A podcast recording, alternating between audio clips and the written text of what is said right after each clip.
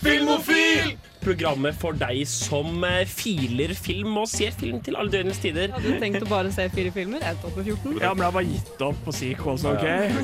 Ikke det Ringenes herre, så ser jeg det. Jeg har stor respekt for Niklas Gersh. Men filmen, den var dårlig. Det er bare å gjøre det. Herregud, jeg er veldig klar over at det showet er skitt. Det er nå TV-ofil. Ha-ha. Du hører på Filmofil på Radio Revolt. Hasta la vista, Ja. baby. Velkommen, venner og fiender, til en ny episode av eh, Filmofil. Uh, I dag så gjør vi noe litt annerledes. Vi har spilt inn dette på forhånd, siden alle vi antagelig står med hodet opp ned i et offentlig toalett eh, rundt den tiden på torsdag kveld. Men eh, når du lytter på uh, nå torsdag, eller eh, på podkast eller eh, stream on demand, så skal vi kåre de topp ti eh, viktigste regissørene aktive i dag. Og jeg gleder meg til den sendingen. Og mitt uh, crew som skal hjelpe meg med denne kåringen, det er på teknikk Jenny.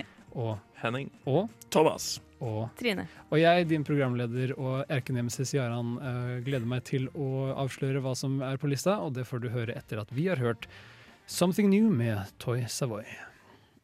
Der hørte vi Something New med Toy Savoy, og du lytter nå til Filmofil, ditt favorittfilmmagasin, i hvert fall mitt favorittfilmmagasin. Og i dag så skal vi eh, ta et lite skritt tilbake, se litt på det store bildet. Se litt på de som lager filmene vi prater om. Fordi alt som er på kino i dag, uh, og alt som vi ser egentlig av filmer, det er bare møkk nå. Så vi vil heller prate om de som, de som lager film i stedet for. De som lager film, hvilken spesifikk kategori snakker vi da? Er, er det produsenter? Er det, er, det films, er det filmselskapene? Er det Hollywood vi skal se på? Vi skal se på regissører. Og de Og er det trenger de ikke jobbe innenfor Hollywood, uh, men veldig mange av de som er på lista, jobber innenfor Hollywood. Um, de er, det er de som setter sammen hele filmen. Thomas, det er faktisk de som ser Er på ikke det klipperen? Åh, åh, nå, nå utfordres jeg her. Eh, altså, hvis du har en bedre definisjon, så må du bare presse på, for all del. Men eh, en regissør er jo på en måte den personen som setter sitt preg på hele filmen, som er med i hele prosessen. Dette pratet vi jo litt om på Oscarsendingen, faktisk. Så Det er vel den kreative kapteinen, kommer vi fram til. det kan være en kreativ kaptein, men det kan også være en sjelløs hack som bare gjør det han får beskjed om av studioet. Ja. Som heter George Lucas. Nei, Eller Michael Bay. Ja, eller Michael Bay. det Jeg har nok, Men det- ja, I i introduksjonen av programmet så uh, sa du uh, som uh, altså regissører som jobber i dag. Hva er definisjonen av i dag? Vi har satt en grense, fordi hvis vi skal bare putte de beste regissørene noensinne, så begynner alle å klemme inn Stanley Kubrick, og det kommer masse sånn Martin Scorsese og en hel haug med regissører som på en måte Det er ikke så spennende å følge med på de lenger. Filmhistorikerne har allerede skrevet side opp og side ned om disse. Det er morsommere å se på de som har jobbet fra 2000 utover, som er der vi har satt grensa vår. De siste 19 årene så har det kommet mye spennende film, og vi vil heller se litt på det som er aktuelt i dag. De hadde jo også lov til å ha gjort noe før år 2000, da. Ja, det Men det er bare, hvis de har gjort mye bra før år 2000 og gjort bare dritt etter 2000, så er det sånn OK, nei. Oh yeah! Det er kanskje det Vi beste må vel si at Den mest ikoniske filmen, eller renessansen deres, må ha kommet etter 2000 for at dette skal kunne være godkjent. Det hjelper seg i hvert fall. Uh, men dere har tøyd strikken bitte litt. Vi skal først prate om på en måte, hvilke som ikke kom på lista, fordi dere har alle sammen lagd deres egen topp ti-liste. Som dere nå har for alltid, så det er veldig fint for dere. Og dere har sendt det inn til meg, så jeg vet hva den definitive lista har blitt. Så jeg har brukt et listestemmingssystem for å rangere alle navnene. Det ble 28 navn totalt, og jeg har kuttet det ned til 10 uh, navn, rangert fra på en måte, mest likte til minst likte på denne lista. Og uh, det var litt interessant, faktisk, for det var ingen som hadde Ingen av listene hadde Altså, det var ikke et navn som var på alle listene. Det var alltid eh, maks tre eller fire lister som delte et navn. Det var aldri liksom fem hele. Så det var eh, ganske spennende, faktisk. Jeg håpet et sekund du skulle si at du rangerte alle navnene, og så tok du på sånn alfabetisk. Og så bare tok du de ti første. Det var til og med noen som ikke fikk sin yndlingsregissør uh, på lista. Og det var uh, Dette skal vi høre mer om veldig veldig snart. My! Men først skal vi høre Wanna Wanna Wanna med Mandalay Lamas. Wanna Wanna Wanna med Mandalay Lamas der, altså. Eh, Du hører fremdeles på Filmofil. Vi er fremdeles her i studio, alle fem. Det er så Men ikke fysisk, for dette er tatt opp tidligere, så vi har vært i studio. Det er sant. Uh, og hvis du hører dette på podkast eller Stream on demand, så er det faktisk helt uh, Altså, det har ikke noe å si uansett, så jeg tror vi bare kommer oss er videre det med en sendinga. repeat av sendingen, så det gjør egentlig ingenting. Vi legger det her dødt nå, Ja. folkens. Eh, Vi har en listesending i dag. Det har vi pratet litt om. Vi skal prate om de ti eh, beste regissørene aktive i dag, siden 2000 og utover. Men først så skal vi prate litt om de som ikke ble med på lista, for det ble ganske mange navn. Dere har alle sammen gitt meg deres topp ti-lister, og ikke alle kunne være med. Så jeg har jo en liste her med det vi liker å kalle honorable mentions. Uh, ingen fikk alle som var på lista si. På den endelige lista. Trine, du kom nærmest for så vidt, med syv stykker av de som er på lista di. er nå på den definitive Det gjorde du med topplisten over sju. Ja. Jeg, prøver, jeg tror bare Trine er mainstream. Jeg tror Nei, jeg er mainstream. Thomas, uh, ha- du ser ut som du har lista di der. Ja, jeg- må bare se hvilken som Jeg tenkte jeg skulle spørre deg, hvem tror du ikke ble med? Oh, for det, tingen er at Hvordan jeg rangerer lister, det gjør alltid er at fra syv og oppover Ja. så handler det ikke så mye om hvem som har lagd de beste filmene, sånn all over, men det er sånn, hva har gjort en spennende ting? Hva har gjort noe som jeg vil se mer av? Hvem har lagd den ene filmen som måtte bryter ut? Mm. Eller den ene serien? Så jeg tror det kan være noen av de, noen av mine syv uh... Ja, for du hadde liksom litt sånne kuriositeter på Ja. bunn som var litt mer sånn 'dette håper du å se mer av'. Jeg håper å se mer av dette, de har gjort det bra. Eller Mm. denne personen har ikke lagd nok filmer, men han har likevel lagd gode filmer. Mm. Så jeg, jeg tipper det er et eller annet sted fra syverne. Jeg tror faktisk syveren min, for jeg tror ingen andre har det. Hva var skiveren din? Vil si det? Det var Phil Lord og Christopher Miller. Eh, ingen andre hadde det, men det, den regissøren som ikke ble med fra din liste, var også på min liste, faktisk. Okay. Og det var eh, David Fincher. Ja. En regissør jeg mener er altså, veldig dyktig. Han lager noen av de beste filmene. Han var høyt oppe på min liste. Ja, han var på min liste også, men han, han ble rett og slett ikke med. Um, Hvorfor tok du han på lista di, Thomas? Fordi at Han har jo lagd mange gode filmer tidligere, men jeg syns noen av de senere verkene hans, sine Social Networks, Gone Girl, han har fortsatt en fantastisk god stil. og Det er en som regissør som jeg ikke føler har gått forbi sin heydays. Han lager fortsatt fantastisk gode filmer, og jeg syns de er samtidsvirkende. De, de snakker om nåtiden. Han er ikke en av de regissørene som alltid drømmer seg tilbake eller tilbake til da de var relevante. Han er liksom en av de få gamle regissørene som har klart å overleve overgangen og likevel lager veldig relevante filmer, og fantastisk pene filmer. Uansett hva han jobber med, så ender han opp med å lage gull. Han har også en veldig distinktiv stil, som Ja. jeg liker. David Fincher-filmer har en, en sånn atmosfære til seg som er veldig god. Og du viste til, Jeg ba dere vise et eksempel liksom, på hva dere liker ved regissøren ved liksom, å nevne en film, og du viste det akkurat samme film som jeg gjorde i min liste, uh, The Social Network.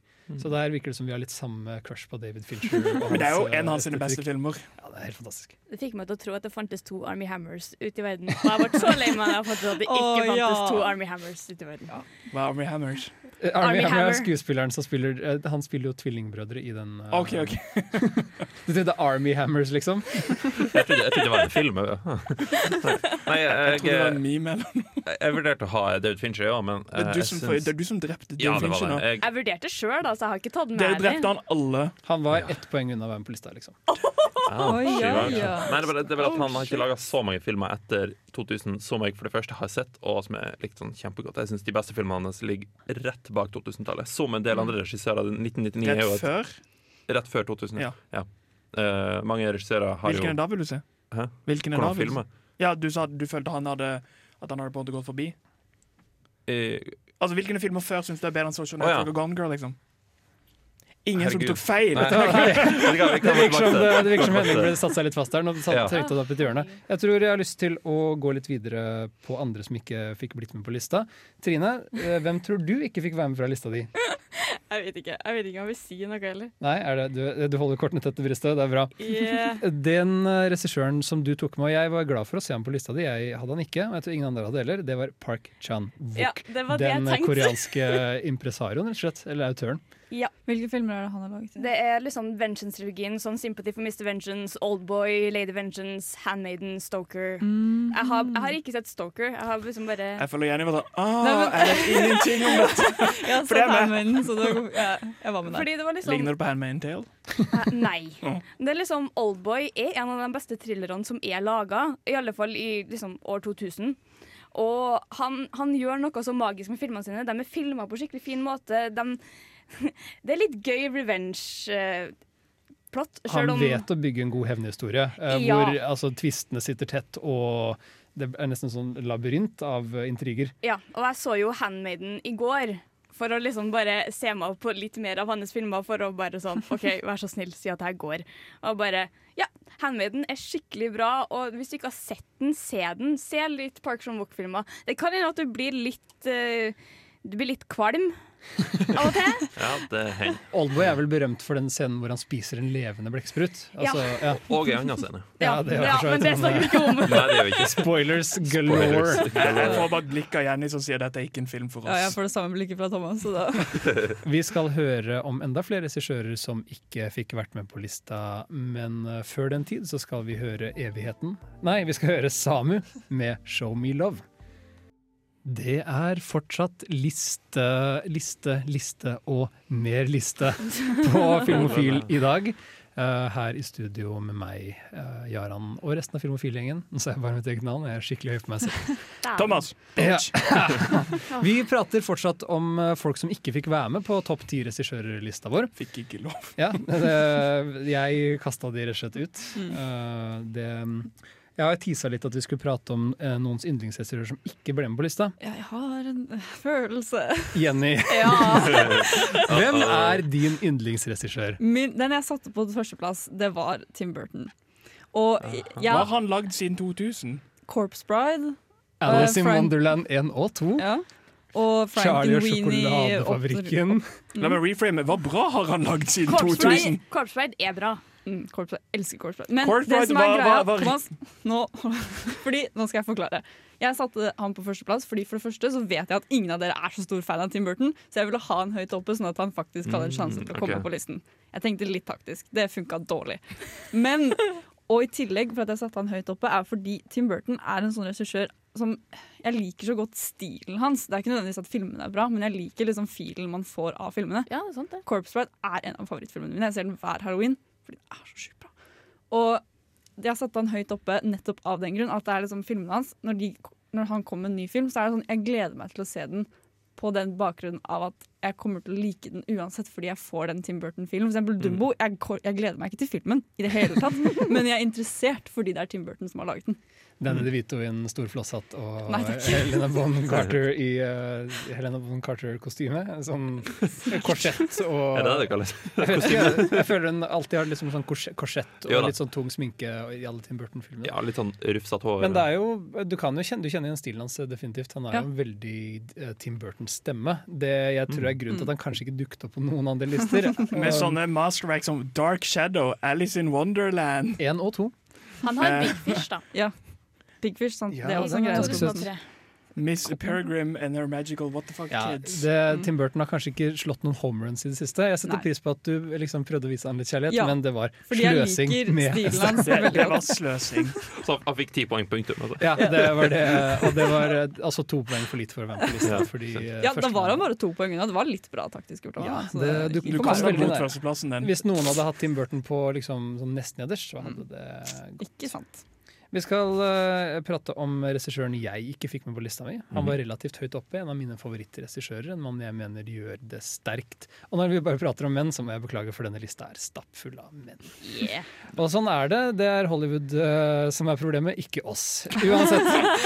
Jeg elsker Steven Soderberg, og jeg beklager til Steven Soderberg for at han ikke fikk være med på lista. Steven Soderberg er aktuell på Netflix i disse dager med High Flying Bird, som han har filmet på uh, iPhones. Ja. Fordi han er uh, verdens Altså han har digert ego. Men fyren er også et geni. Han er kanskje mest kjent for Oceans 11, uh, 12 og 13, som er veldig gøyale filmer.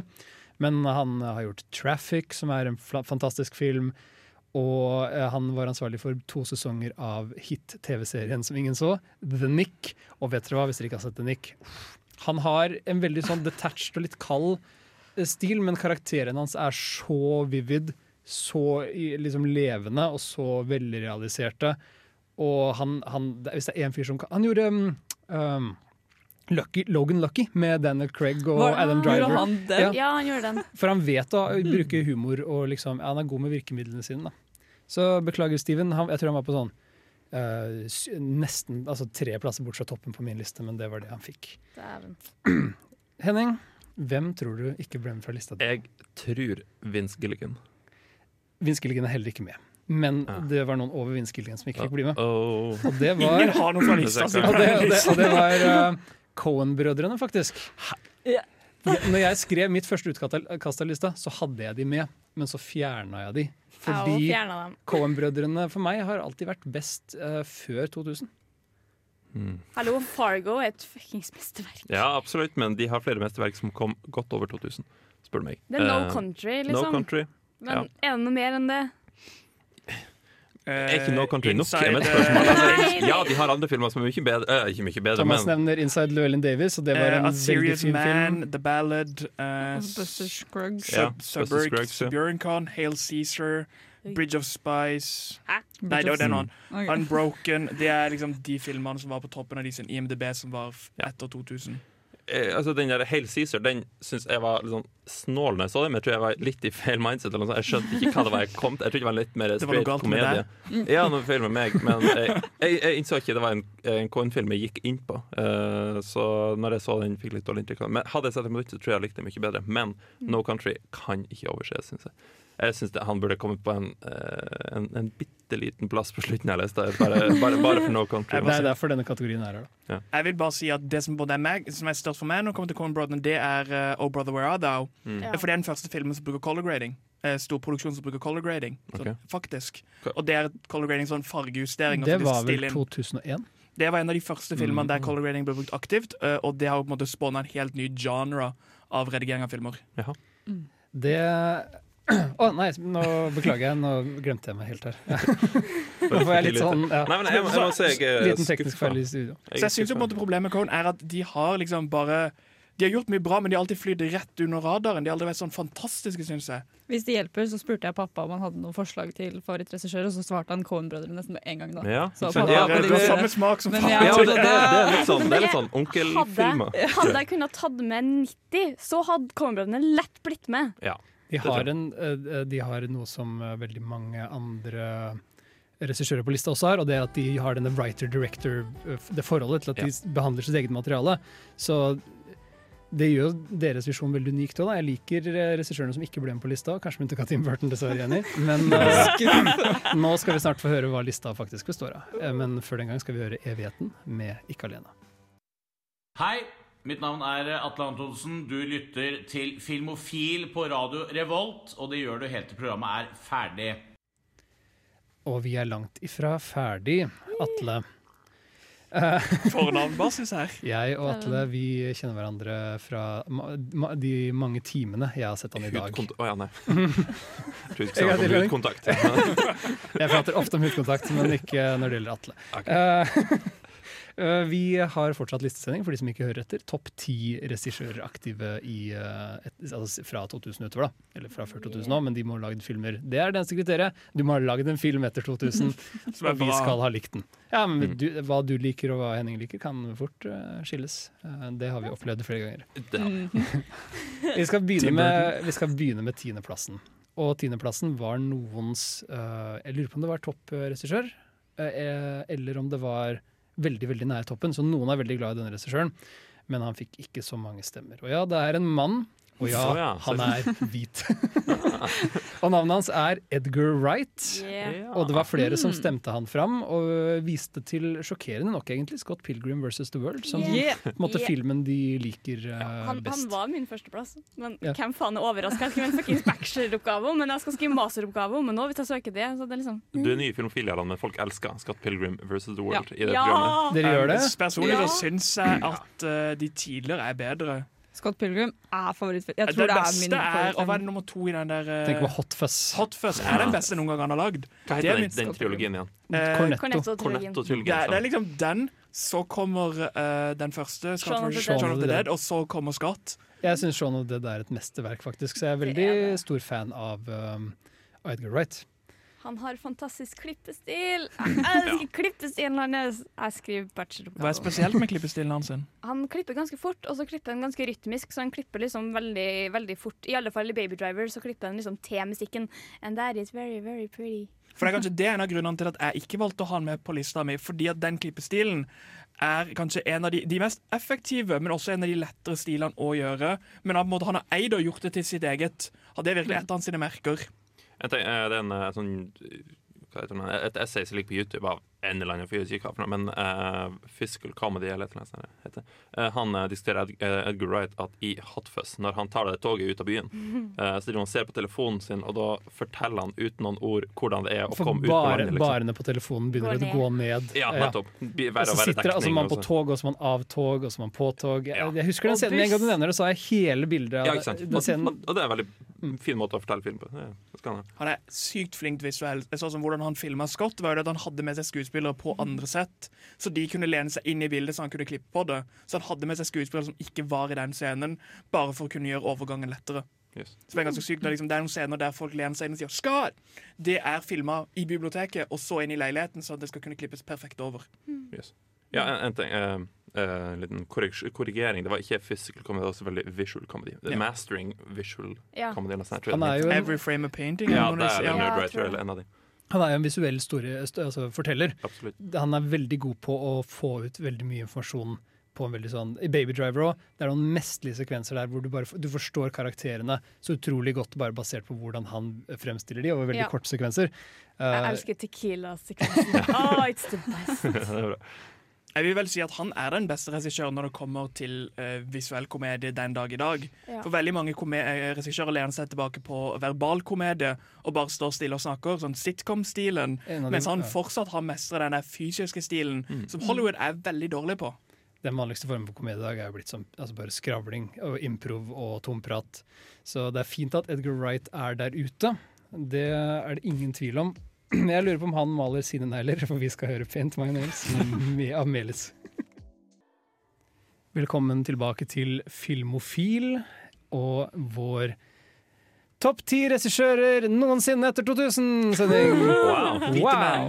Ja. Hvilken plass er vi på nå, da, Jarand? Vi er på niendeplass, Jenny, og det er min yndlingsplass, for ni er det beste tallet. Ja, jeg vet ikke hvor jeg skal med den. Energien går litt opp og ned i studio i dag, fordi jeg er en sliten gutt. Vil du si du er en oldboy? Tired boy. Vi har allerede pratet om Oldboy, nå skal vi prate om Three Billboards Outside Ebbing, Missouri, fordi regissøren på niendeplass er Martin McDonagh! Jo. Ja, det stemmer. Han var på flere lister. Han var på min, han var på min. Trines, han var på Thomas sin. Og jeg, nei, ikke på deres. Ikke på min. Ikke på min oh, come on, da, Fordi In det- ja. Bruges, Seven Psychopaths og Three Billboards er fantastiske filmer. Ja. Jo, ah, Hva er det du ikke liker med den? jo, jeg liker jo Three Billboards altså. Vi tror vi har kommet fram til det. At det er en bra film, og jeg er enig med det. Men det er ikke noe Jeg så, har også sett In Bruges, men det er liksom de to jeg har sett. Og det er ikke noe spesielt jeg la meg, la meg merke til i de filmene som fikk meg til å sette ham på listen. Når jeg satte Martin McDonagh på listen, så, var det, så tenkte jeg faktisk først på In Bruges før jeg tenkte på Three Billboards. Ja. For jeg, Mm. den filmen er så visuelt uh, og altså, mesterlig fortalt. ja. Jeg likte den veldig godt, jeg òg. Det for det er veldig morsomt, for den filmen Jeg syns hans beste det er Seven Psychopaths. Ja, Ja, du skrev det på lista, men jeg skjønner ikke det. Jeg elsker den filmen, hvordan den gjør abstrakt historiefortelling. Den er så inngrodd med storyplots der det bytter mellom å være et faktisk film og meta til å være en ekte historie som de liksom bare flyter inn i på en sånn magisk måte som jeg elsker ordentlig godt. For det er den der, det er disse scenene der de sier hva som kommer til å skje, for så spiller det ut, for så går gå tilbake om det er idiotisk. Og hvordan du aldri vet er dette ment å være en ekte historie, er de ment å være filma, eller er de ment å være karakter. Og han er bare så, det er bare så ordentlig psykopat. Men det er også han som spiller i Three Billboards, hva er det han heter. Uh. Sam, Sam Rockwell. Som er bare fantastisk fantastisk i, eh, i det meste han gjør. Og det er egentlig det, er det jeg synes er så, kjempebra med den regissøren, at han kan skrive Han kan skrive fantastisk gode manuser. Han er jo et Ja. erkeeksempel på en writer-director, og han Ja. har bare tre uh, filmer under beltet sitt, så jeg er veldig spent på hva han skal gjøre videre. Og Han hvis du ser tenker fra sikkert, da. Nå er tenker han. Nå er det four something, for han seven og three. Og Han finner på et nytt tall ja, kanskje. Nei, det er, altså, In Bruges har jo kanskje et av de morsomste øyeblikkene i filmhistorien, som jeg ikke engang skal våge å referere her, fordi det er så morsomt i den filmen at det, det er ikke verdt å prøve engang. Men det, Ralph Fiennes leverer en helt fantastisk linje i den filmen, som er skrevet og timet og klippet og filmet helt til perfeksjon. Jeg, uh, Martin McDonagh, er rett og slett uh, Jeg lurer på hva han kommer til å gjøre videre, liksom. var er en av de som har gjort veldig lite, men jeg vil ikke si at han har gjort noe galt. Han har bare lagd gode filmer. Ja. Av de, av de to jeg har sett. Ja, men se på, forskjell, se på Ja. hvor stor forskjell det er mellom In Bruges og Three Billboards. da på hvor, Mm. altså In Bruges er Og Seven Psychos, for den ja, saks skyld. for den saks skyld, men de er veldig sånn flamboyant. De er veldig filmskaper... Ja, ja, det, de det er jo ja. Hollywood mockery. Mm, mens uh, Three Billboards er veldig subdued. Den er veldig Altså, den har fortsatt veldig, veldig mye Uh, på en måte å vise til. Det er et veldig tydelig filmspråk der, men det er mye mer subtilt. Ja, det er sant. Han, han mestrer det å kunne skrive flere sjangre kjempebra. liksom. Han, han treffer på alle beatsene, og den er Three Billboard. Hvordan den bytter mellom å være ordentlig trist til skikkelig morsom. Er en sånn en nålegg som i live action, eller ja, altså med mm, fysiske skuespillere, er sykt vanskelig å få til. Jeg ser det veldig sjelden, i hvert fall på den skalaen. Og han fikk jo en eh, Oscar for beste manus. Men uh, når du prater om skuespill, Sam Rockwell i uh, Seven Psychopaths han, Det er kanskje det jeg liker minst med den filmen. Jeg sleit så mye med skuespillet. filmen. ja. Fight me outside. Jeg skulle gjerne sett han skrive en skrekkfilm. Det har vært gøy. Det har vært kjempegøy, okay. men jeg tror han er litt for morsom. Ja, men det kan være en morsom skrekkfilm. Han kan skrive the Scary Movie. Ja, John, uh, Jordan Peele gjør det for så vidt kjempe, kjempebra, han er jo en dødsmorsom fyr. Mm. Så hvem vet hva Martin McDonagh gjør videre? Jeg vet i hvert fall at han hører hjemme på denne lista. Det er en velfortjent plass, spør du meg. Eh, Am I losing touch, tenker kanskje du da. Det eh, sier The Modern Times, og det skal vi høre nå her i Filmofil på Radio Revolt. Takk til The Modern Times for litt god gammeldags rock. Det skrangler godt i Filmofil-redaksjonen her mens vi kårer våre topp ti regissører aktive fra 2000 og utover. Jeg er skikkelig stisy som programleder, det har vi allerede etablert. Hvis du fortsetter sier- å si det, så kanskje Hvis du sier en tiende sånn der, nå snakker vi fortsatt om, da går jeg snart over og slår deg ned, for jeg tror de skjønner det nå. Jeg har bare lyst til at alle skal forstå hva vi gjør, for dette er ikke det de Hvis du skrur inn på Filmofil og kommer litt sent i sendinga, så er det vanligvis ikke det du bare tenker Å, hvilken film prater de om nå? Og så er det sånn Nummer åtte på lista er Og vi er for så vidt på nummer åtte nå, så skal Men når de, bare si når de hører et nummer, så tror jeg de fleste klarer å skjønne det er en listesending. Det er jo fint at folk får vite at det er regissører vi prater om. Uh, dette er en regissør veldig mange hadde på lista si. Og nå skal jeg bare si det, faktisk. Eh, Og nå holder du pusten med spenning. Jeg ser Ja. Oh, Thomas ble blå i ansiktet. Og det er Quentin Tarantino. På åttendeplass. Ja. jeg hadde den ikke på lista. Nei, ikke heller. Men nå har jeg, jeg har ikke sett de to Kill Bill-filmene, så jeg kunne ikke med godt, god samvittighet ta med Quentin Tarantino på lista. For jeg har, sett, jeg har ikke sett alt av Django heller. Så jeg har liksom bare sett Inglorious Basterds og The Hateful Eight. Ja, og hadde ja. det vært fra 90-tallet, så har jeg jo tatt det med pga. Reservoir Dogs Ja. og Pulp Fiction, men Ja. jeg mangler bare litt av Quentin Tarantino. Ja, skjønner. Ja, for jeg var veldig nære å putte han på listen, jeg òg. Eller ikke jeg og du var jo ikke nær på å putte han på listen. Jeg vet ikke hvorfor jeg sa det. Men jeg var veldig nær på å putte han fordi jeg elsker Kill Bill. Og også The Hateful Eight syns jeg var skikkelig skikkelig bra. Men jeg føler ikke at jeg har nok forhold til Tarantino til at jeg Ja. ville putte han på den listen her. Jeg var jo veldig fornøyd med at han kom, men han var ikke på min egen liste. Av den ene grunnen at jeg synes De beste filmene hans sine var før 2000. Hans sin stråleklare heyday var før 2000. Jeg syns ikke det er en 2000-regissør. Det er en Han- fantastisk regissør, Um, men det er ikke en Jeg vil 2000-regissør. bare si at Tarantino gjorde to filmer Ja, før 2000. han Og de er fantastiske. De er gode, de. er det er Pulp. Pulp. Ja. Det er liksom de to beste han har, syns jeg. Pulp Reservoir, det er crossover-filmen til Tarantino. Det var en òg inni der. Hvis du, Oh, ja. Russover. Fiction. Reservoir Fiction. Det er de to beste filmene han har, syns jeg. Reservoir Dogs er en av mine favorittfilmer gjennom tidene. Ja. Så jeg tenker på at Han gjorde, han gjorde og establisha stilen sin såpass tidlig at jeg så ikke noen Det er fantastisk, men det var ikke noe ordentlig nyskapende i de senere verkene hans. sine. Han bare fortsatte på en stil han allerede har establisha. Ja, men det er en veldig bra stil òg. Ja, det, det, jeg sier jo ikke noe på det. Han er en av favorittene mine. Men er det 2000 han virkelig slo igjennom? Jeg er faktisk ikke helt enig med deg. Jeg vil si at stilen til Tarantino har utviklet seg ganske tydelig. Ja. Og veldig sånn det, er en, det har vært en utvikling som har vært positiv, og jeg syns han har gjort det kjempebra fra 2000 utover. Jackie Brown er jo på en måte kanskje det beste som kommer rett etter Pop Fiction. Kanskje det beste beviset på hvor allsidig Tarantino er. Eh, Ja, det er han som har laget det nå? Ja. Ikke sant? Og det er litt sånn Oi, det var Tarantino-film! Ja, jeg skjønner det, men den er så annerledes fra det som kom før. Uh, og så er det jo um, Nå kommer han ut med Once Upon a Time in Hollywood, og ingen vet hva den filmen kommer til å gjøre. Jeg gleder meg så mye til den filmen. Yep. Det er helt sjukt. Ja, ja. Men det sier jo hvor mye han som regissør liksom har klart å bygge opp. Og folk er bare litt sånn Ny Quentin-film? Fuck yeah. Ja, jeg vet hva ikke hva som skal skje. Quentin-film? Fuck yeah! Hva handler egentlig Pulp Fiction om? Den, altså Det er spørsmålet. To leiemordere. Uh, Kanskje Punktum. ja.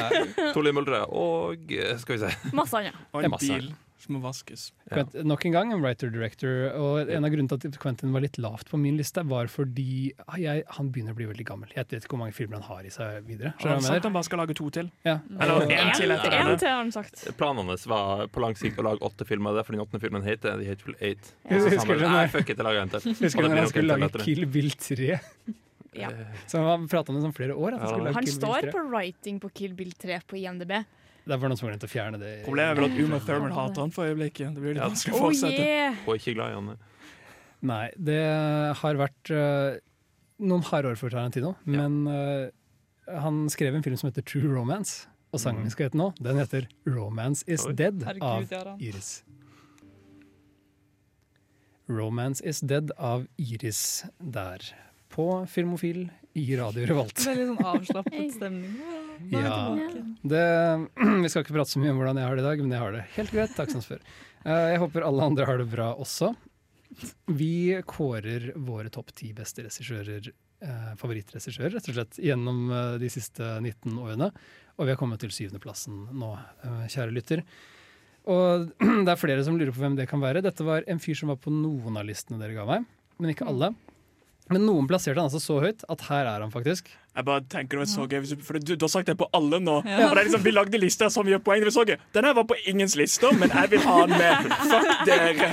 Nei, jeg var nesten litt sjokkert over at den havnet der, for jeg er ikke nødvendigvis helt Jeg er enig i at dette er en god regissør, men Hayao Miyazaki, eh, eh, animasjonsregissør og Oh. produsent og skaper av Studio Ghibli, egentlig. Jeg vurderte å ta han med, Mm. men jeg gjorde det ikke. Oh, ja, du gjorde det ikke? Nei. Yes. Det var overraskende. Han har Fordi- gjort så mye før 2000, på en måte, som jeg vil godt huske, bortsett fra Chihiro, da, eller Spirited Away. Mm. Ja, det er sånn, Spirited Away er helvetes overvurdert. Det er sånn Æh, Det er ikke så bra som alle skal ha det til! Det betyr ikke var at det ikke er bra. Nei, nei, det er, det er bra. Eh, Hayao Miyazaki. Miyazaki. Men det er liksom, jeg, elsker, jeg er veldig glad i Spirited Away. Jeg elsker House Moving Castle, men han har ikke noe mye annet på 2000-tallet. Resten Det er ikke på 2000-tallet, Det. 19, 1988, Ja, du er bomma. 88. Ja, Så det er liksom det eneste han har på 2000-tallet, er Spirited Away Ja. Og House Moving Castle. Og Wind Så- Rise, The Wind Rises gjorde han jo ja, Den var litt blanda, men Ja. det var den siste filmen han gjorde. Og Ponyo. Eh, Ponyo. Mm. Faen, samme. Jeg har ingenting å si om Ponyo. Ponyo er sånn. Ponyo Det er helt blank, ja, det er helt blank for meg, den filmen. Den, Jeg, jeg så eh, den på Kosmorama når den gikk der. Det Ja. hadde de sånne barnesending. Ja, koselig. Henning og alle barna så Ponyo. Det er koselig. Det var to andre voksne der. Mye av mitt, pro mye mitt problem Et av problemene med han er at han har eh, adaptert en av mine favorittbokserier. Eh, eller han har vært produsent da Han har med å ødelegge The Tales of the Earth Sea for meg. For den animasjonen er shit i forhold til bøkene. Aha. Og jeg blir piss hver gang noen prøver seg på noe nytt og ødelegger det, de, de, det jeg liker. Går vekk fra ting jeg liker. Men liksom, den går igjennom her. Alle de jeg vet om han, er sånn 1980-tallet. Ja. Ja, Mm. og det var jo det også. Jeg var nesten litt sånn er dette, Men han har jo laget film etter 2000, så det er helt eh, Og dere liker jo det han har gjort, åpenbart. Men eh, han hadde jo egentlig gått av med pensjon uh, for et par år siden. Og nå er han kommet liksom tilbake, så han, er, han begynner å bli Ja. gammel. Han tilhører jo liksom en annen generasjon med filmskapere. da Ja, Men han har jo pensjonert seg mange ganger opp igjennom. Han Så bare sånn tilbake, en til.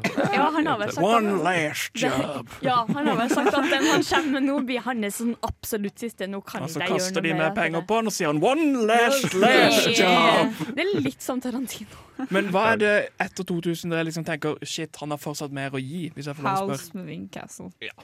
jeg. Ja, den filmen er så bra. Og bare det han gjør Eller jeg vet ikke helt hvordan det er da med regissør og animasjon. Jeg har ikke helt satt meg inn i det. Hvordan, hva, hva er det de er med på å gjøre De, der? de, er, de er med å gjøre alt de velger animasjonsstil. Ja. Det er basically det samme, bare istedenfor at du snakker til en skuespiller, så snakker du til en animatør. Ja, Det blir flere faser. Du har, liksom, du har en opptaksfase der du jobber med skuespillerne. Og så animatør. Det er derfor ofte eh, animasjonsfilmer har flere regissører, for det er en veldig tung jobb å gjøre. Mm. Så det er vanligvis en animasjonsansvarlig, og så har du en liksom, storyansvarlig eh, regissør. da. Noen Ja. må jo også regissere skuespillerne, som gjør stemmer. ikke sant? Ja, og det er en stor del. Ja. Mm. Fordi Vi vet i hvert fall at han får det til. Ja. Han får det jævlig bra. Han har fått Ja. det altså, Det kan godt hende at de beste filmene hans er fra før 2000, det kan jeg skjønne, men uh, han har i hvert fall fortsatt den samme gode stilen, og han får det fortsatt til. Det er ikke sånn at han har blitt noe dårligere. Nei, for han holder jo på den stilen, og det er den stilen vi alle elsker, og Mm. kan være enige om at han gjør det jo, han gjør det jo bra. Ja. Jeg gir rett og slett deg siste ordet der, Jenny. Du kunne ikke sagt eh, altså, argumentert bedre for å ha ham på lista. Nå skal vi høre en låt, og den heter 'Alt var bedre før'. Og det er jo kanskje noe Miyazaki er enig i. Fantastisk overgang. Verde. Bazinga. og hjelp, det skal vi kutte fra podkasten. Det er i hvert fall Radio Luxembourg som gir deg denne. Velkommen tilbake til Filmofil sin topp ti regissører etter 2000-listesending. Og vi er kommet til sjetteplassen, hvor min nummer én-regissør dessverre havnet. Oh. Eh, kjenner dere meg godt nok til å prøve å gjette på hvem min favorittregissør En eller annen italiensk hipster. Nei, det, det var feil. Er han dansk? Nei, han er heller ikke dansk. meg. Han er amerikaner, han okay. er hvit, og han er mann, og han heter Paul Thomas Anderson. Ja. Han hadde ikke jeg med på lista. Har ikke, Ikke sett, noen- har ikke sett noen av filmene til Paul Thomas Anderson. Jeg syns Paul Thomas Anderson er en mesterfilmskaper. Han var på Thomas sin liste også. Ja. Så Thomas uh, Altså, real recognizes real. Altså, Han er jo den regissøren som jeg syns er flinkest til å jobbe med skuespillere. Uh, det kan du bare si at han klarer å få en, liksom, en god skuespill ut av Adam Sandler. som var ditt eksempel, uh, Ja. Punch Drunk Love. Mens jeg uh, fremmer There Will Be Blood, som jeg Altså, det er et mesterverk av en film. Altså. Det er et helt fantastisk epos. For mye av grunnen til at jeg valgte å velge den filmen, er fordi at han som regissør for meg, er han en skuespillers regissør. Liksom. Han er veldig flink med å jobbe med skuespillerstaben sin. Og på en måte coaxte frem det beste du får ut av det. Og der var eksempelet liksom, på det beste du får ut av det, når, når du jobber med dritt og klarer å få sånt ut. Ja, for jeg har sett, jeg har sett én eh, film av han, fant jeg ut. Det er den Inherit Vice. Inherit Vice. Den synes jeg Det er den merkeligste filmen jeg noensinne har sett. Jeg skjønte ingenting mens jeg Mer- så den. Merkeligere enn Under the Silver Lake. Nesten på lik linje, og det sier litt. Den er Altså, eh, bare, er det liksom hans stil, eller er det bare en rar film? Nei? Inherit Vice er en adaptasjon av en bok som mange mener er ufilmbar. Og, sånn, sett, og sånn sett er det nesten et, et, um, et, lite, altså et lite mesterverk i seg selv, bare at Paul Thomas Anderson har klart å lage en Noe. god film ut av det. Inherit Vice er ikke hans beste film. Boogie Nights er også en helt fantastisk film, men den er vel rett før 2000. Ja. Ja. Han Uh, gjorde også Phantom Thread nå ja. nylig. Det er vel den nyligste filmen han har gjort. Uh, ja, og før det 'Inherit Vice, og før det igjen The Master. Og Paul Thomas Oh. Anderson tar ofte for seg temaer som er litt Ja, det kan hende folk syns de er litt vanskelig å få uh, tak i, men jeg syns også språket og den visuelle stilen hans er så um, Altså, dette er en fyr som klarer å sette sammen en film. Det er veldig vanskelig for meg å prate om det så mye som jeg vil. Han er liksom en av de regissørene som har jernkontroll på alt. For Det er det som eh, på en måte kontrollerer min liste jo høyere opp vi kommer. For Noen av disse vi har litt lenger nede, er veldig flinke på, å skrive og lage film. Men han her har måte kontroll på nesten alle aspektene av filmen sin. Han er liksom Kubrick-level av liksom kontroll, men ikke denne psykopatiske sosiopatien som er Kubrick. Jeg, jeg si, altså, jeg, hvis jeg hadde sett litt mer av han, så hadde jeg nok hatt han på lista mi. Sånn som The Master har jeg veldig veldig, veldig lyst til å se. Uh, hva heter han skuespilleren? Han som- Philip Seymour Hoffman, Philip Seymour eh, Hoffman, Uh, som er helt fantastisk i den filmen. Jacqueline Phoenix også. Queen. Joaquin Phoenix, ja. Det er, det, er jo, det er jo en veldig veldig dramatisk, seriøs film, men den er også en scene hvor Jacqueline Phoenix onanerer ute i havet. Uh, så As we do. ja. we do så det er en Altså, det sier litt om toneskiftene han også klarer, da. Ja. Nei, for, Thomas Anderson og Jacqueline Phoenix. nei, for den filmen krysser veldig mange bokser. som jeg- Mener du jerk og Phoenix? Å nei, Jeg nei. sagt, den, den filmen krysser veldig mange bokser med både Joaquin Phoenix og Philip Seymour Hoffman og Paul Thomas Anderson, som jeg som sagt ikke vet så mye om, men jeg har sett Punch Drunk Love. Og jeg er helt enig at det er virkelig en prestasjon. Å få skvist noe ut av den svampen som er Adam Sandler. og, det, og ikke bare det, det, det er liksom Det er ikke Jeg har liksom sett sånn behind the scenes. No, Adam, not a fart joke. We do that again. Is this when I fall down, Mr. Anderson? No. No. Nei, eh, jeg de eh, hadde, jeg sett mer av han, så hadde jeg garantert hatt han på lista mi. Det tror jeg. Men jeg har ikke grunnlag til å si det. på en måte Nei. Det var leit for meg at Paul Thomas Anderson ikke kom høyere opp, men uh, det er det ikke mye å gjøre med. Han er i hvert fall på lista, og en av mine favorittregissører fra de siste ti årene. Min nummer én var på tiendeplass.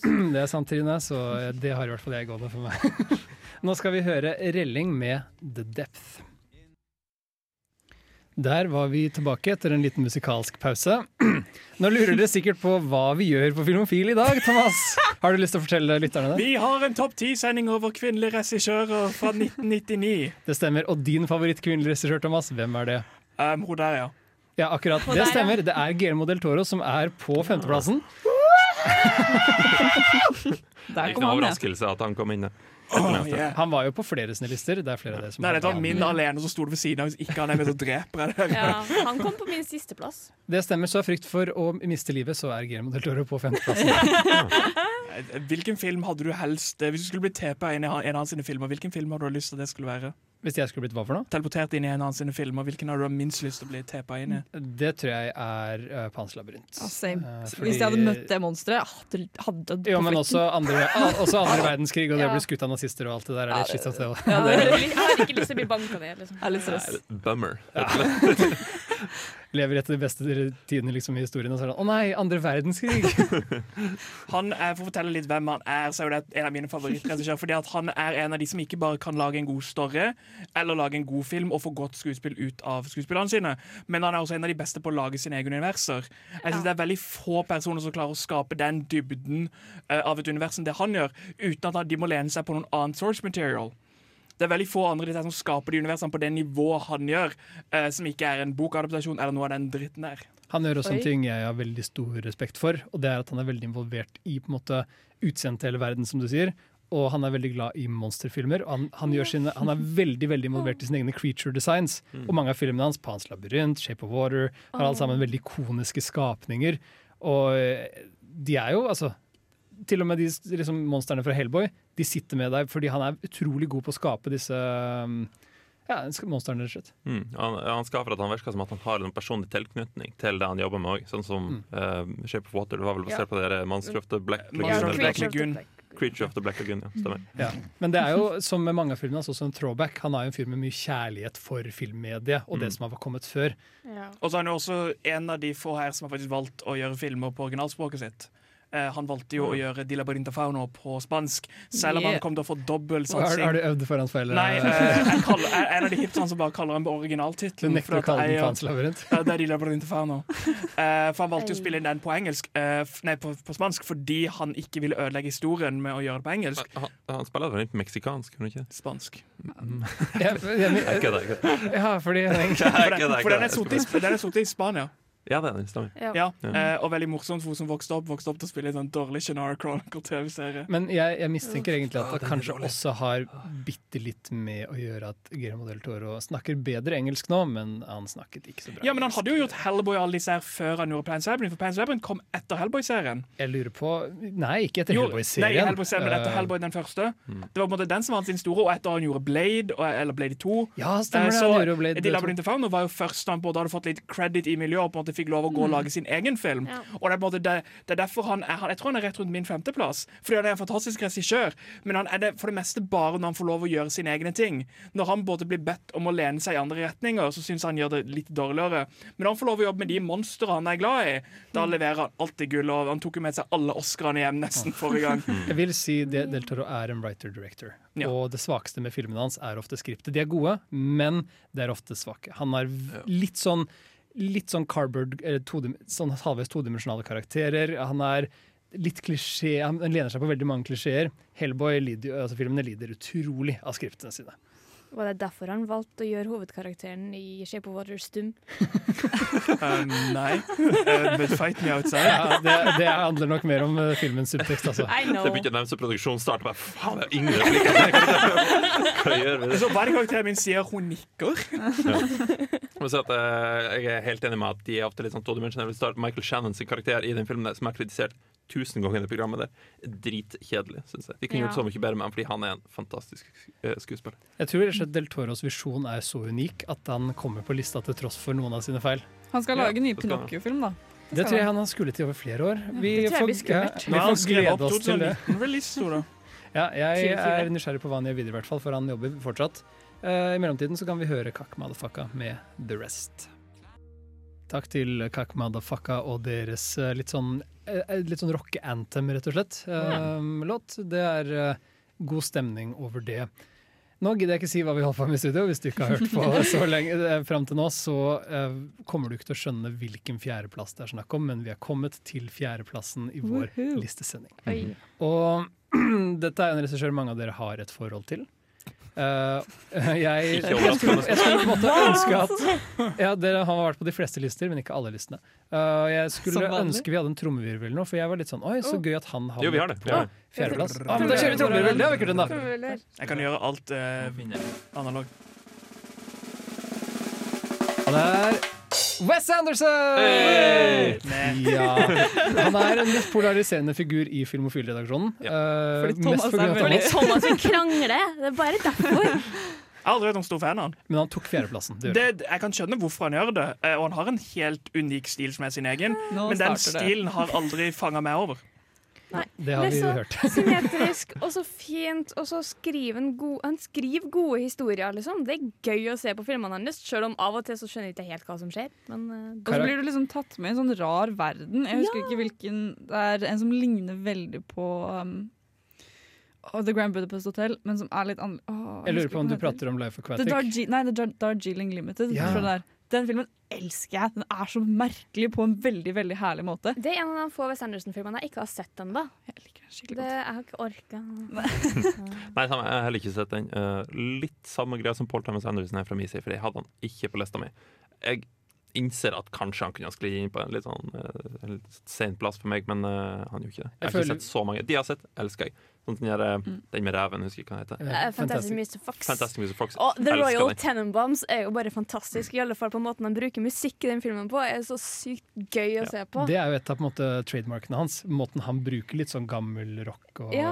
eldre musikk. Jeg føler vi sier det på hver regissør som havner på lista, men han har en helt egen stemme. Det, men det er jo det som er en god regissør, da. Og det er det jeg begynner å se, det er en trend der. Og det er at disse, disse lager filmer som bare de kan lage. Ja. Eh, Det er ingen som har puttet Michael Bay på denne lista på listene sine, f.eks. Og det Det er fint. Ja. Men det er sånn, når jeg var på IMDb-en til Wes Anderson, så står det at han skal, han skal komme med en ny film neste år. Mhm. Som skal liksom være satt under jeg tror enten første eller andre verdenskrig i Frankrike, og jeg vet ikke noe mer enn det. Og jeg er litt sånn For det, ikke sant? Med en gang så høres det ut som en veldig veldig vanlig, sånn, eh, vanlig film. Det er, det er laget så mange filmer om verdenskrigene, og så, men så er det West, og så er det sånn Da blir det plutselig litt Hvis vi interessant. sentraliserer alt, så blir det sikkert nytt og spennende. Nei, men det er liksom Han har jo Pastellfarger. Men han har jo litt det å liksom sette det i en litt fiktiv verden. Ja. Det trenger ikke nødvendig Det kan være satt i vår verden, men det er en fiktiv, alltid en fiktiv by. Og han strukturerer veldig ofte historien mer som det er et slags eventyr. Ja. Uh, Så selv om du forteller en historie som kunne blitt fortalt på en mye mer realistisk måte Det er sånn, Christopher Nolan kunne sikkert lagd Grand Budapest Hotel, han også. Uh, Men det hadde, en, det hadde blitt den samme historien fortalt på en mye mer realistisk måte, og det hadde antagelig funket, men uh, det er noe med den visjonen, og han er så god på Filmene hans, også live action, men også, altså stop motion spesielt, men Ja. også de med ekte skuespillere, føles veldig ofte som du er nesten en tegnefilm eller i en sånn liten pop-up-bok. Mm. Uh, Ja, Pop-up-bok er helt sant. Særlig, særlig Grand Budapest Hotel. så klart, men jeg, det, er, det er sånn, den filmen syns jeg er så god cinematisk at Mm. de feilene den har, den, det ender jeg bare med å se over. Det er litt sånn Flåklypa, egentlig, når jeg tenker meg om. Mm. Når, du- når du har det, der, det bildet av hele hotellet, og du ser den bilen som kjører opp bakken, så er akkurat som Flåklypa. En Battle Rocket, har du ikke sett den? Nei, den har jeg ikke sett. Jeg har den på harddisken min hjem. Ja, det var- det var Du mener på. DVD kjøpt lovlig? Ja, ja. ja, ja. Så klart. Nei, det, det er det første Piracy is a spillefilmen. crime. Ja, det, You wouldn't steal a car, Trine. det var en veldig dårlig kampanje. Det der. Det funka ikke helt, nei. Å uh, oh ja. Det, det Vi eh, må snakke litt videre om Wes Anderson. Rett og vi, kan, vi kan gjøre det. Og det er jo eh, Skal vi slippe udyret løs? Ja, det jeg tror vi kan Det står, gjøre det det, står, det står noen klar her. Jeg henta nøklene. Der, da har jeg låst opp lenkene. Han er veldig flink til å skape det han gjør. Men det er det han er. Han er flink til å gjøre én ting. Han gjør en Wes Anderson-film. Og jeg vet ikke om det fortjener å ligge på toppen av beste regissører for de siste 20 årene. Fordi at han lager én ting, og han gjør det fantastisk, men det er ikke mye nyskapenhet i det han gjør. Liksom, han gjør veldig mye av det De tingene som han blir tiltrukket av, er de tingene man har sett hele tida i stilen hans, syns jeg. Og han er veldig flink på det, men han gjør ikke så mye nyskapende. Ja, men det er din versjon av lista, Thomas. Ja, det er liksom, det er ikke, jeg det, er ikke det jeg gikk etter når jeg lagde min liste. Jeg gikk mer etter det jeg liker og vil Ja. se mer av. Ja, for også det han, det han gjør, det klarer han såpass godt. Og du vil jo liksom til filmene hans fordi han klarer å gjøre noe annet. Og det trenger ikke nødvendigvis Han trenger ikke gjøre noe nyskapende for hver film for at han skal gjøre det for han skal være en bra regissør. Nei. Jeg tror du ikke ser filmen for gimmicken, for å coine a phrase. Eh, fordi mye av Wes Andersons stil kan virke litt gimmicky. Men han, det er jo fort, historien han forteller, det er i hvert fall det jeg ofte ser på når jeg arrangerer, rangerer, når jeg regissører, er hvordan er disse som fortellere. Og jeg syns Wes Anderson forteller en ganske stor sånn, en god bredde av historier. Om karakterer som ja, de kan ofte virke litt like, men det er ofte veldig rike karakterer med veldig interessante følelsesliv, og måten han projiserer det ut på. Altså fortel- Forteller det både cinematisk og gjennom dialog og karakterer. Han skriver dette helt selv. Han har så klart ko- kommer stemmen hans igjennom, men jeg syns han har ganske god bredde. Til tross for at ja, filmen hans, når du ser et bilde fra en Wes Anderson-film, så er det ingen tvil om at det er en Wes Anderson-film. Altså, karakterene er jævlig quirky. Men selv om karakterene er så jævlig quirky, så klarer du å finne likhetstrekk med en eller annen karakter i en Wes Anderson-film. Jeg klarer liksom alltid å relatere meg til i alle fall én av karakterene, og det syns jeg gjør en god film. Hvis jeg faktisk kan sitte og se på og bare Det her er helt bonkers. Det er sånn, det her relaterer jeg meg ikke til til vanlig. men Husker jeg du kan- når hunden i Isle of Dogs har en maskingeværtann? Ja! Det fortsatt- kan Trine relatere seg til veldig. Ja, det hadde hunden min. Jeg tror jeg bare bringer oss full sirkel før vi skal høre Benedict med KMG, ved å si at uh, i uh, In Bruges så har Ralph Fiennes den beste, uh, altså den morsomste replikken, og det har han søren meg i Grand Budapest Hotel også. Så det er Ralph Fiennes er en morsom fyr, og han har dukket opp flere ganger i løpet av dagen, og det kan det han gjør igjen. Av samme person, føler jeg. Jeg liker Ralph Fiennes. Takk for meg, og hallo til uh, med KMG. For et program i burra med både klasse og stil. Du hører på Filmofil. Du hører på Filmofil, og du hører på Ja. og du hører på vår uh, liste over de beste regissørene eh, de siste 20 eller 19 årene. Og vi er kommet til den mest spennende, eller det mest prestisjetunge bolken av lista, nemlig topp tre. Det vi alle har gledet oss mest til. Ja, og Jenny, du har jo vært veldig spent på hvem som har, tar tredjeplassen. Jeg har det, ja. Uh, ja. Og du har jo du har spekulert litt uh, i løpet av sendingen. Men, uh, eller mellom stikkene, i hvert fall. Men uh, ja, Thomas. Jeg synes det er veldig trist at vi ikke har noen utenlandske på den lista. Det har nesten bare vært amerikanske Ja, regissører. og det er jo noe med at den amerikanske filmindustrien er så stor. Men nå kommer det faktisk! Nei, Det må nevnes at vi har allerede avslørt nummer tre litt mellom, uh, Mellom oss, ja, mellom oss. Ja. ja. Så, eh, så det er ikke et sjokk når jeg forteller dere at canadieren Denis Villeneuve er Mm. den tredje på lista. Hvilke filmer er det Dennis har lagd? Jeg ba jo dere foreslå øh, liksom eksempler på filmene, og jeg hadde han på min liste med 'Arrival', som jeg mener er hans beste film. Men de fleste andre som hadde han på lista si, de kjemper for Blade Runner 2049. Men hvilke flere filmer er det han har etter 2000 enn de? For jeg føler det er de jeg har hørt om. Prisoners, uh, Enemy, Enemy. Sicario. Ja, Sicario. ok. Eh, Incendious. Ja, det er jo en den, uh, den er, Det er en utenlandsk film, er det ikke det? Ja. Ja. Så han har i hvert fall vært litt utenfor Hollywood, i motsetning til veldig øh, mange av de andre filmene vi har. Og så er det veldig spennende å se en regissør som har hatt sin storhet og begynt her i, i 2010. For jeg føler liksom mange av de vi har snakket om, har holdt på ganske lenge. og er litt sånn, Mm. du, på en måte, du føler du har sett noen av de beste verkene de sine. Eh, sånn som vi hadde i begynnelsen, så var det han som ikke kom på med min liste.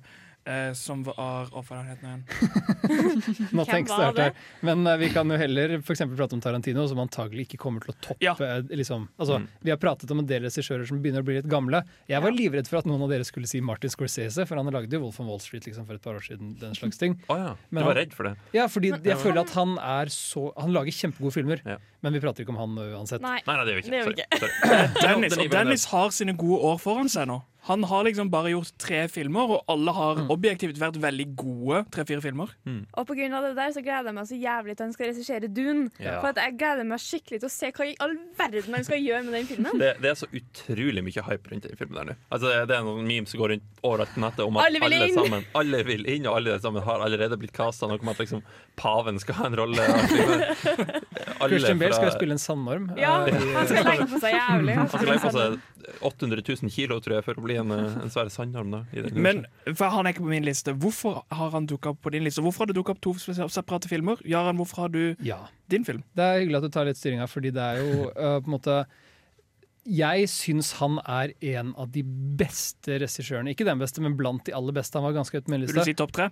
Ja, topp tre. Jeg syns han fortjener å være på topp tre, fordi han øh, han jobber med alle aspektene med en film. Han er en utrolig dyktig forteller, som på en måte er mitt viktigste kriterium. Du må klare å formidle historien og karakteren på en god måte. Ja. Og Arrival sin eh, fortellerstruktur og temaene den takler, og måten dette er presentert på, du, det er ikke dokumentarstil, men det er veldig naturalistisk. Og eh, samtidig så tar han for seg noen helt fantastiske temaer i Arrival som jeg ikke skal prate for mye om her. fordi hvis du ikke har sett den filmen, Se da den. ja, Se den. Se den. det bør ikke spoiles på noen måte. For det var vel den filmen det året som folk var pissed ikke var nominert til Oscar. Den var ordentlig snøbba, sa mange folk. Det, jeg syns det var en av de beste filmene det året. Ja, Men- det- Skikkelig skikkelig bra. Men det Blade Runner 2049 kanskje viser bedre, og grunnen til at jeg tror de andre på en måte nominerte den, er fordi den viser hvor mye mer allsidig han er innenfor det er en, Innenfor sci-fi.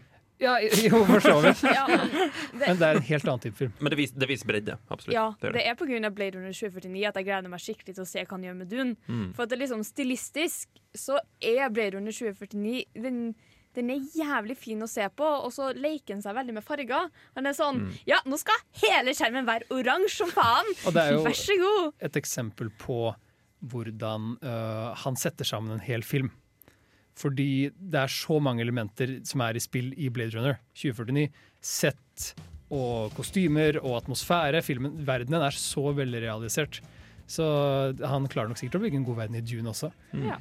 Vi skal nå høre Tigerbukten under pressen før du får nummer to på vår definitive liste over de beste regissørene. Tigerbukten med Under pressen der, altså. Og vi skal kåre de to gjeveste plassene på vår regissørliste. Og Fem og seks. det er helt riktig, for det var der Del Toro havnet, på femmeren Thomas.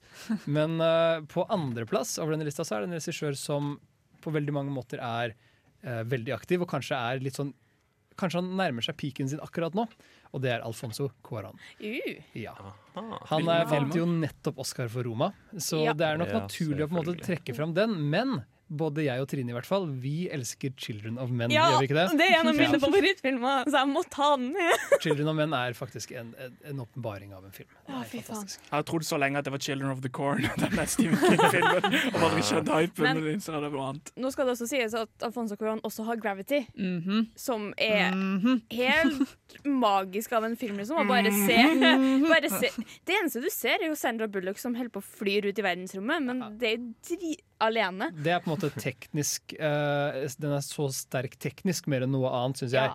Ja. Fortellermessig så er ikke Gravity eh, Altså i motsetning til 'Children of Men' og Roma, da. Ja, ja, ja. er, Men du sitter igjen med en helt spesiell følelse etter å ha sett Gravity. Jeg var skikkelig stressa gjennom hele den filmen. Jeg svetta jo etterpå. jo, men jeg vil sammenligne Gravity mer på en måte med en berg-og-dal-bane. Ja. eh, hvis Ja, du mener. det At det er litt mer sånn wow, kom for å se de blinkende lysene og, og alt, som- Roma er ikke helt der. alt som snurrer. Ja, Roma er Men det sier jo litt om hvor mye Alfonso Ja, Cuarón nettopp. kan gjøre. Ja. Han er gleden, det er gleden av å stå i køen til karusellen. Jeg, jeg skjønner ikke metaforen. vi er ikke et metaforprogram, vi er et filmprogram. Men det er sånn, Roma var en av de filmene jeg var lei meg for at jeg ikke så før vi lagde topplista over 2018-filmene. For da hadde den, den hadde skjøttet til været, for å si det sånn. Fordi det er liksom, det er liksom fortellerteknikken, kamerabruken, skriptet. Bare alt. Alt er så jævlig bra i den filmen. Ja, for nå har du sett den. Ja, jeg så den jo jeg så den før på Oscaren. Jeg så filmen før Oscaren og var sur for at den ikke vant beste film, fordi Hva er det du prater om? Roma. Jeg er sur for at Roma ikke vant beste film i, Ja. på Oscaren. Vet du hva? Jeg sa nettopp at Roma vant beste film for, for Oscaren. Den vant beste fremmedspråklige ja, film. Ja, det gjør den for så vidt, men i hodet mitt så er det sånn Tenk at Green Book vant over Roma. Det var Green Book som vant. Ja! Det var Green Book som Green vant. Book vant beste film. Det er jo mye av det vi snakker om, liksom, for at mange av disse regissørene vi har snakket om tidligere, er de sin evne til å på måte, ta deg inn i ett univers. Da kanskje spesifikt uh, type Wes Anderson, som er veldig flink på det universet han gjør. Men jo lenger ned vi kommer på lista, eller jo lenger opp vi kommer på lista, så er det denne evnen til å ta deg inn i hvilket som helst univers og kontrollere Ja. alle aspektene. Og det er jo det han her er så sykt flink på. Han er kjempeflink på hvordan han gjør universet sitt, og hvordan han gjør filminga, og hvem han jobber med, og alle disse tingene her. Og veldig flink til å ko- kokse ting ut av folk som ikke er så kjente, for Roma har jo ikke så veldig store skuespillere. Nei. Det er ingen virkelig kjente navn. Det kan hende de er litt sånn kjent i Mexico, eller Ja. hvor enn de liksom, skuespillerne kommer fra, men det er veldig små navn. Og på en måte det som er et kjennetegn med korona, altså hvor, som du sier, filmene er veldig forskjellige, men de er alle kjempegode. Ja. Og jo høyere vi kommer på den lista, så ser vi jo bare at det er jo folk som lager Filmene er ofte litt forskjellige, de er ganske diverse, men det er, det er gode filmer hele veien. Det er veldig rart å tenke på at det er en, det er en meksikansk film som har gjort det dritbra i fjor. At den liksom satsa på både meksikansk og svart-hvitt. Uh, Panselabyrint. Ja, Ja, men- eh, ja, men det er lenge, eh, Men det er lenge, det er lenge siden det har sett, skjedd, da. Det er det. Mm. Det er sånn, jo at en- noe har gjort det så stort. Det er en annen meksikaner som ikke ble med, og det var Inaruto, som uh, også er veldig veldig populær. Ja, men han har bare. Birdman og The Revenant. For det var sånn On the Joke, eh, som han sa selv, var liksom da den fjerde meksikaneren valgt Best Director på rad på Oscaren. Ja, Are det the vant Mexican han. stealing your jobs? Sa han jo faktisk Ja. under talen sin. Morsom og talentfull. Alfonso Coran, er det noe du ikke kan? Det var den andre. Ah, ja, OK, bare glem det. Uh, uh, takk til Takk til deg. Nå mister jeg helt. Jeg tenker vi hører Gavin Turek med 'Elevator' i stedet for. Denne filmen sluttet like brått som sist gang jeg var intim med noen. Og Denne filmen. Filmen. Nei, sangen. Åh, Jesus. Det har vært litt rotete der i de, i de siste eh, drøye ti minuttene. Det har det faktisk. Det snakker vi om? Det har vært både tekniske problemer og annet som har skjedd her Ja, i studio. Så hvis det virker litt rotete, så må vi bare beklage. det fordi det er rotete. Det er fordi det er et, et rot her inne. Ja. Men nå skal vi ha Nå. førsteplassen på lista. Er det førsteplass på lista? Og da vil jeg ha drumroll, please. Yeah, My ladies and gentlemen, den aller største tystnaden. Christopher Nolan. Yeah. Det tror jeg de fleste mistank, hadde mistanke Ja, om. jeg klarte å dedusere det. det. Min eh, var på før, det var min nummer én, så jeg vil bare si at jeg gjetter den viktigste. Men det er liksom, når jeg satte meg ned og skulle lage lista, så liksom, jeg tenkte på Christopher Nolan, så så jeg på filmene hans, og jeg bare sånn Der hadde han en film jeg likte, der hadde han en film jeg likte, der hadde han en film jeg likte, Bare- der og der og der. Og bare sånn Han hadde jævlig mange gode filmer på 2000-tallet. Det er liksom Memento er en av Jeg vil si det er hans beste film. Og for å starte karrieren sin sånn ordentlig. ja, Du putta Memento på din liste, Ja. og noen andre, f.eks. Thomas, putta Dunkerque. Eh, Og det, Så det er jo et eksempel på at han har lagd Han har vel aldri lagd en dårlig film. Ah, Dark Night Rises. Ja, det er kjempebra. Det er. Den vil han jo ikke lage. Nei. Nei, han får en del hate av folk som er litt mer interessert eh, i film enn den jevne kinogåer. Eh, Så jeg er ganske overraska på at han kom på toppen av lista, men det viser bare at selv om han får en del kritikk, så har han eh, en god kjerne. Da, ikke han, han vet hva han driver med, det er kanskje derfor han får kritikk i det hele tatt. Fordi vi vet han kan bedre. Ja. Hva slags kritikk han har for? Nei, At han er mainstream, eksempel. Ja. At det er litt sånn, det er litt sånn kjedelig oppfinnelse. Sånn, sånn Inception er litt sånn For å, for en å svare på, klisjé, på mainstream-kritikken veldig fort, så Ja. var han ikke på min liste. Nei, nei det, ikke sant. Det kan være. Eh, for det, er det jeg tenker er at Dette er en regissør som jeg personlig syns var litt for pompøs en periode, men så har både bare vokst på meg. Jeg syns hele den der om at han er for for tenkende. Jeg synes Det er idiotisk fordi at han var veldig nyskapende på det han gjorde. Selv om Inception har blitt en sånn meme i seg selv, så var det noe nytt han gjorde. Han alltid vært, og han har ordentlig stålkontroll på alle ting, og det er derfor jeg valgte Dunkerque.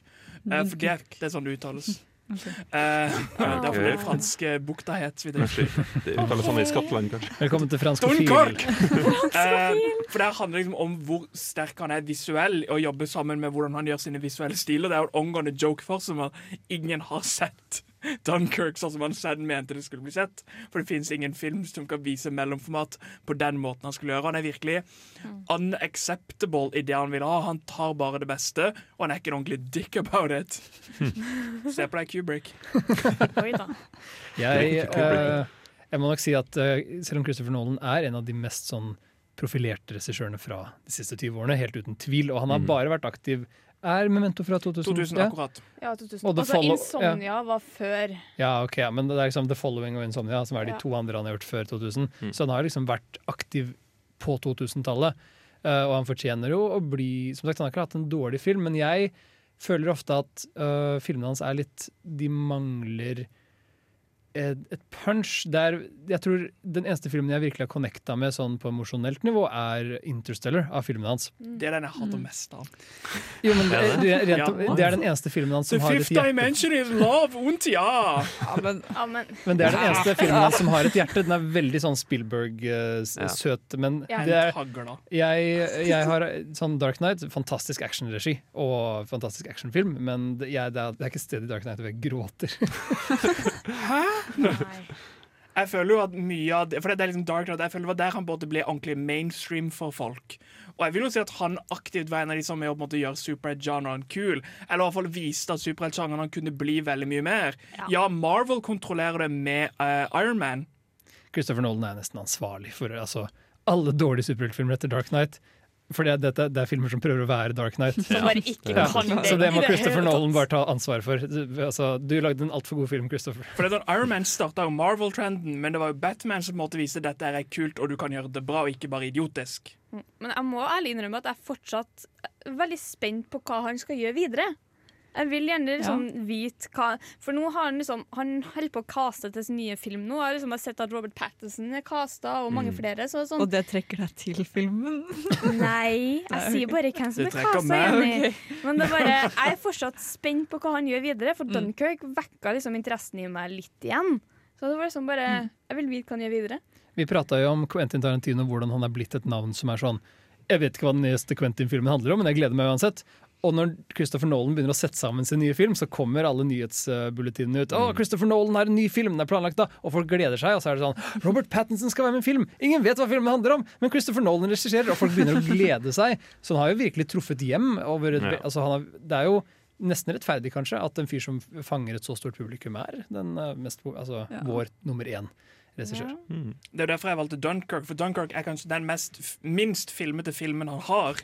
For den handler mye mer om hvordan han lager storyen sin. Hvordan han det, er ikke, det, er ikke, det, er ikke, en eh, original storyline, det er ikke sånn type A-til-B-mentalitet.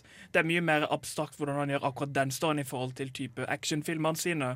Og det er både der hvor mye han legger vekt inn i lyddesign og alle disse tingene her. Lyden, Så jeg synes det er veldig spennende. Og pluss Oh, yeah. en film som er lagt ut i sommeren, klarte å få så mye på en måte, ros på Oscaren til å være en så stor film såpass tidlig i året i Oscarsammenheng. Faktisk klarer å vise hvor mye inntrykk den filmen faktisk gjorde. Det er det. Mm. Og jeg må si at jeg er en stor fan av måten han velger å gjøre prosjektene på. Lite spesialeffekter, altså lite datagenerert spesialeffekter. Og, Mer eh. Ja, og han er flink til å putte masker på Tom Hardy, er jo en, en Vi kjent snakker, vits. vi snakker ikke om Dark Knight Rises. Den filmen eksisterer ikke for meg. Altså. Jeg har- syns den er helt OK. Jeg må gi Christopher Nolan et eh, klapp på skuldra hvis, det- hvis han hører på tilfeldigvis og kan norsk. Det var nok han som fikk meg interessert i film, faktisk. Når jeg så Inception, Mm. det var da jeg liksom virkelig begynte å bli interessert i film. Var det sånn Inception, bro? Jeg føler det er Jeg var- jeg var det. genre. Jeg var det, absolutt.